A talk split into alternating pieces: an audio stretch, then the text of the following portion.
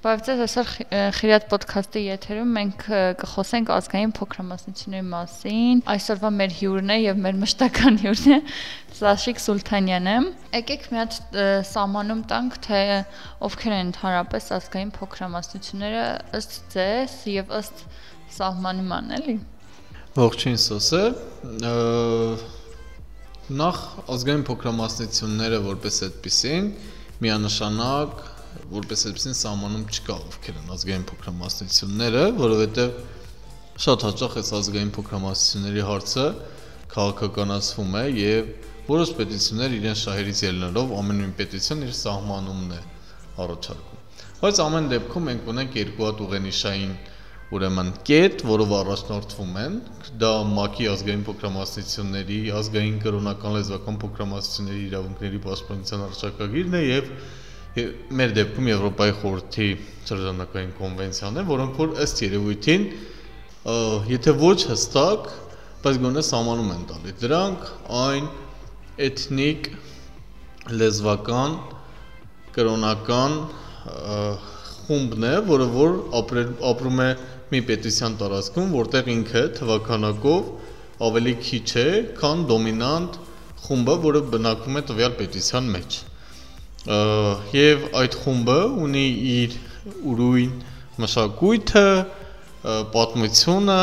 լեզուն կամ այլ մի հատկանիշ, որով որ տարբերվում է ազգային կամ էթնիկ մեծամասնությունից։ Այդ դեպքում ինչա պետք, որ ինչ որ պետության ներսում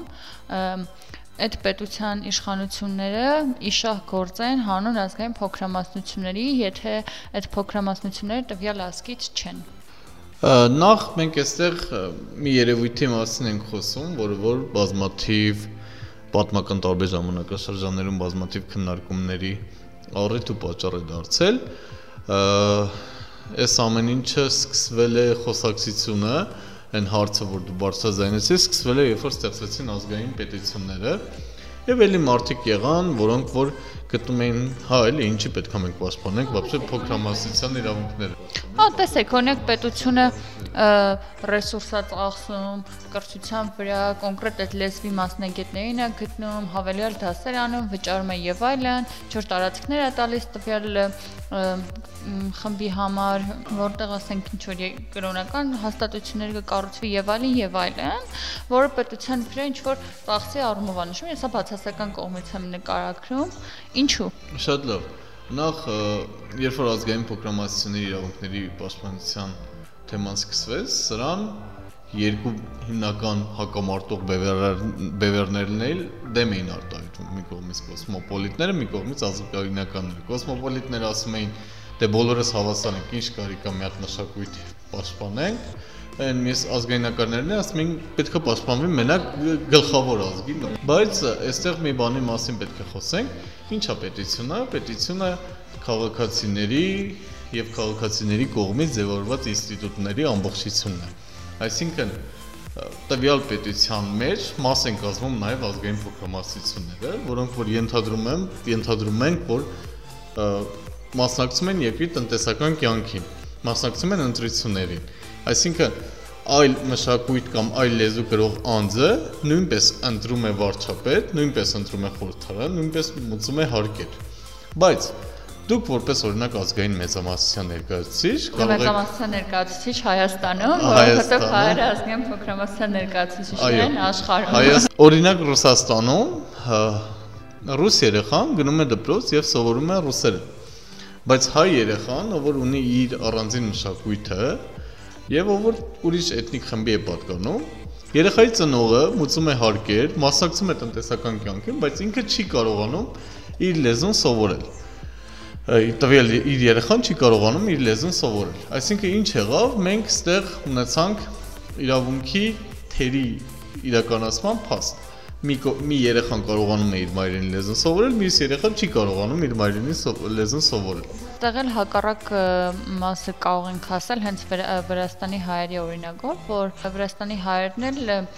այն պետության ներսում, որտեղ որ ապրում են, հնարավորություն չունեն այդ պետության լեզուն սովորել։ Շատ լավ։ Այստեղ մենք խոսում ենք երկու զուգահեռ գնացող խնդիրների մասին։ Քանի որ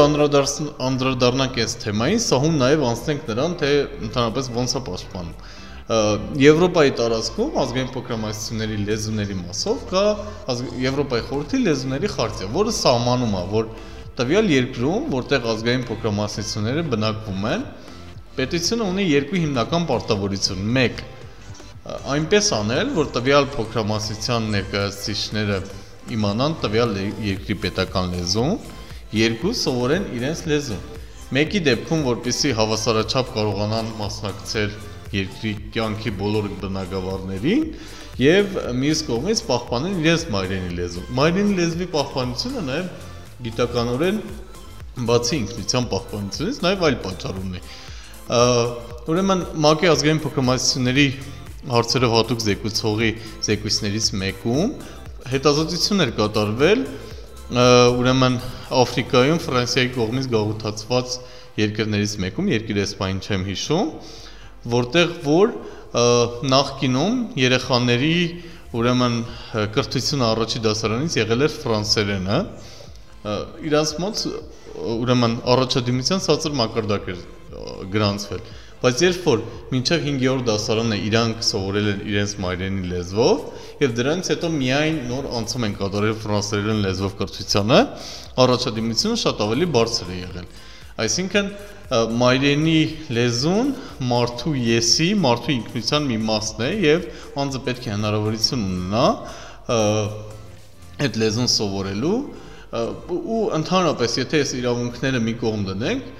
մենք բոլորս մաս ենք աշխարհում գլոբալ բազմազանությանը։ Մենք ինքներս ամեն մեկս մի իր մշակույթով մենք ներդրում ենք անում այս բազմազանության մեջ։ Եվ փորձը ցույց է տալիս, որ այն երկրներում, որտեղ որ բոլոր ձայները լսելի են, բոլոր մշակույթները հնարավորություն ունեն առանց կաշկանդվելու, դրսևորվելու եւ որտեղ կա հանդուրժողականություն այդ մշակույթների նկատմամբ, բարձր է նաեւ տնտեսական ցուցանիշները։ Այսինքն անձը, երբ որ ինչ որ առումով կաշկանդված է լինում, դա ազդում է նաեւ իր տնտեսական արդյունավետության վրա, հա, սա նույն թեման է, երբ որ օրինակ խոսում են կանանց իրավունքներից։ Շատ կարևոր սկզբունք կա, որ ազգային փոքրամասնությունների իրավունքների պաշտպանության նպատակը բոլորի հասարակության մեջ բոլորի ձայնը լսելի դարձրելն է եւ ազգային փոքրամասնությունների իրավունքների պաշտպանությունը